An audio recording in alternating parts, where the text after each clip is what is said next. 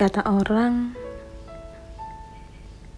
cinta pertama anak perempuan adalah ayahnya. Entah sampai saat ini aku pun masih mempertanyakan apakah kalimat itu berlaku untukku. Aku pun tak tahu. Aku sang gadis kecil berumur 12 tahun tepatnya 11 tahun yang lalu,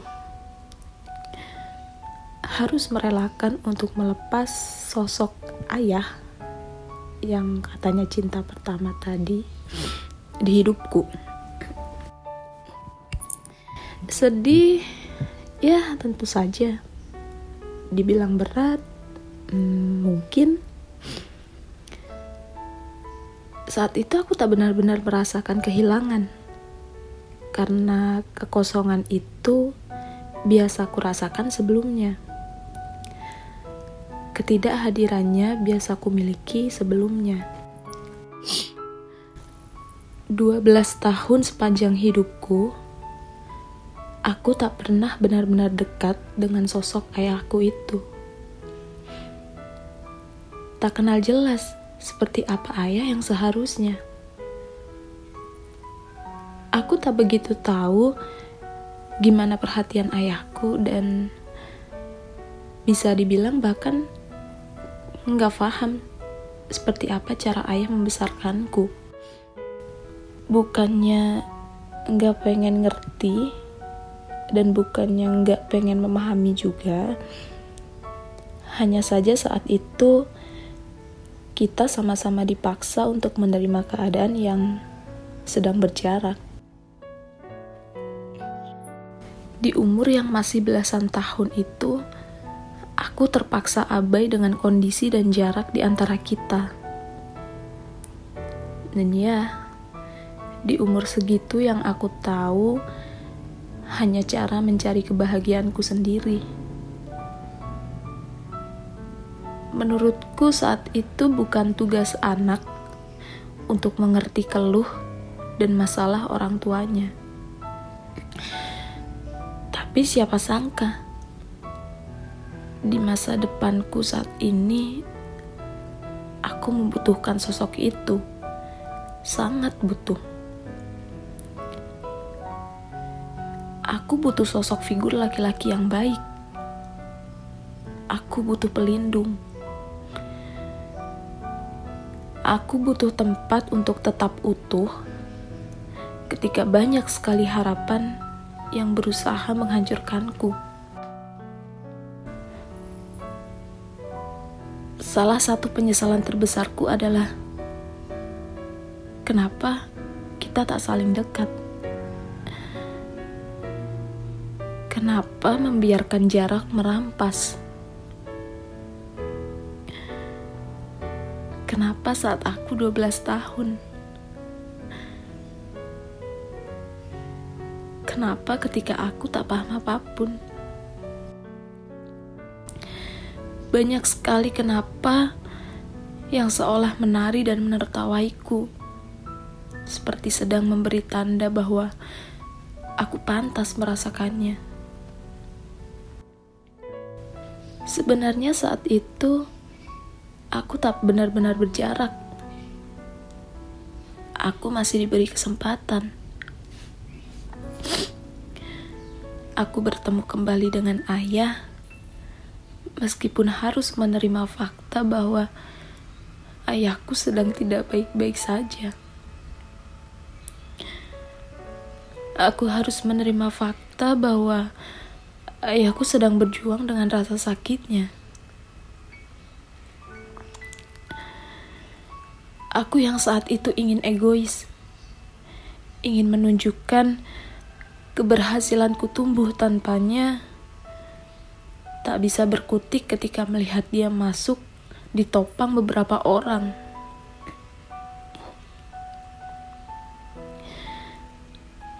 Meskipun begitu, aku merasa lega. Ya, walaupun masih harus berusaha menepis perasaan canggung karena singkat dan terbatasnya pertemuan kita. Aku bersyukur. Aku bersyukur masih diberi kesempatan untuk bisa mengamati wajahnya dari dekat. Aku bersyukur dalam waktu sesingkat itu, akhirnya perasaan yang kupendam selama ini bisa lepas. Hanya dalam satu kalimat, aku memaafkan ayah tapi juga menyuratkan sesak dengan harus melanjutkan kalimat aku harus mengikhlaskan ayah.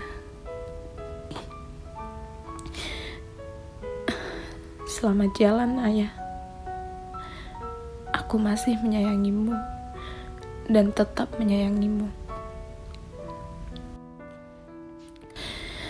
Setelah hampir 11 tahun terbiasa tanpa sosok ayah, mulai bermunculan masa di mana aku merindukannya. Muncul masa di mana aku ingin mengingat kembali sosok ayah. Tapi sayang, sekuat apa pun aku mengingat, tetap yang muncul hanyalah dua, yaitu saat memeluk dan saat harus melepaskannya.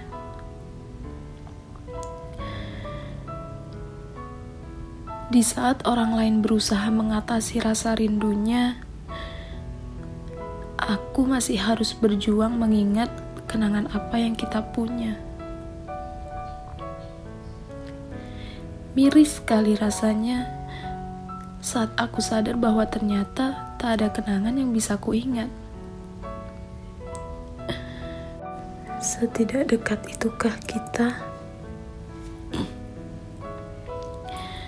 Sampai detik ini, yang teringat jelas olehku adalah kenangan ketika aku duduk di belakang ayah, melingkarkan tangan ke pinggang saya,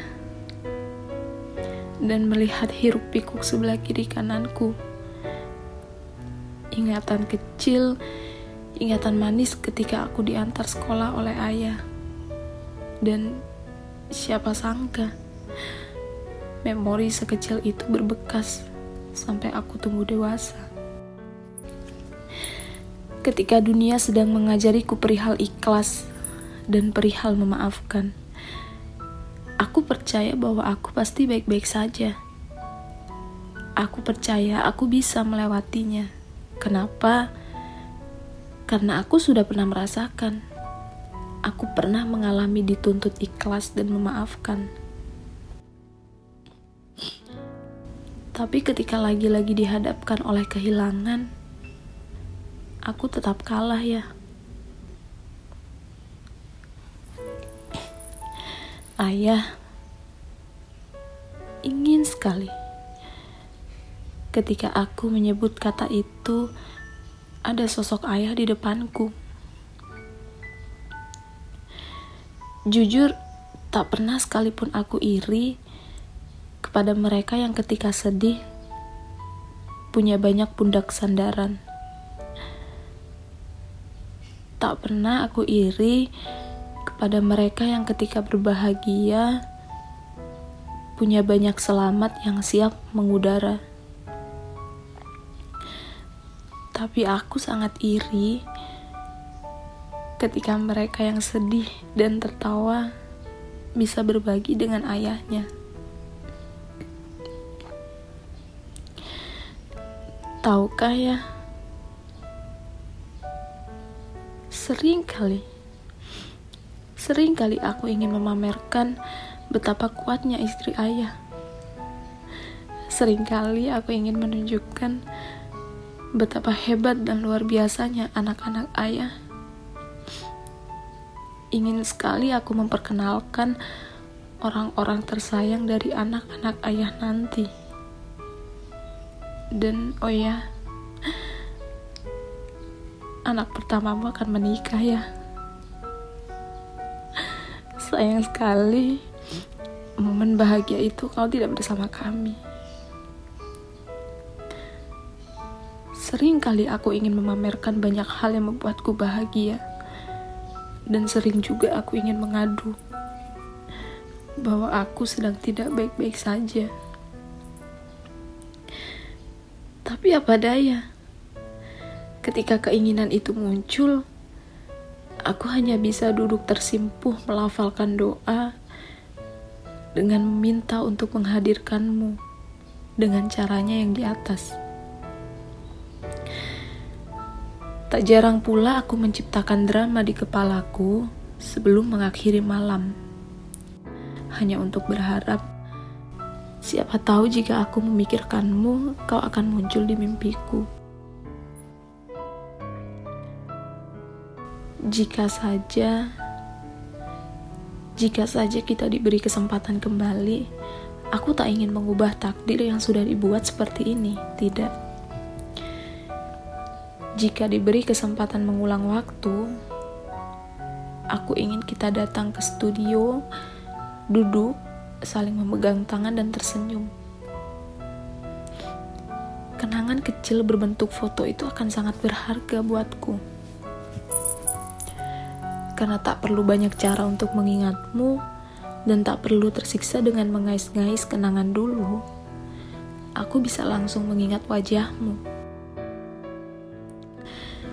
Aku ingin ketika aku dihadapkan oleh situasi yang mengecewakan, aku bisa langsung tersenyum melihat lengkung manis di pipimu itu. Ya, dari sekian banyaknya permintaan, yang paling kuinginkan hanyalah sesimpel itu. Dan selain itu, jika diberi kesempatan mengulang waktu, aku ingin menjadikan nyata soal gambaran mimpi.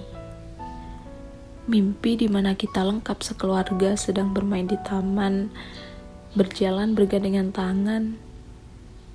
Ayah menggendong dan menciumku tepat sebelum benar-benar menghilang di balik cahaya. Yang di mana beberapa menit kemudian aku membuka mata dan melihat bahwa ayah sudah pergi selamanya. Mimpi yang kupercayai sebagai firasat itu masih sangat melekat di kepalaku ya.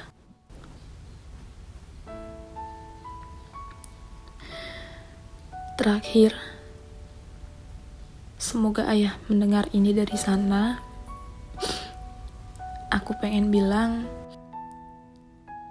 terima kasih sudah berjuang. Terima kasih sudah menjadi ayahku sampai akhir. Terima kasih pada saat itu ayah masih memilih kita untuk menjadi tempat terakhir ayah. Maaf atas berjaraknya kita. Maaf atas ketidaksayanganku saat itu.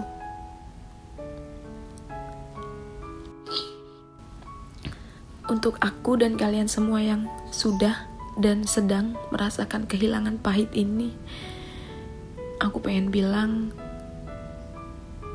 kalian hebat. Kalian luar biasa dan terima kasih sudah bertahan sampai saat ini. Mungkin rasa sayangku besar. Bisa juga rasa rinduku lebih besar. Tapi ternyata aku tahu sampai saat ini rasa menerima dan rasa ikhlaskulah yang paling besar.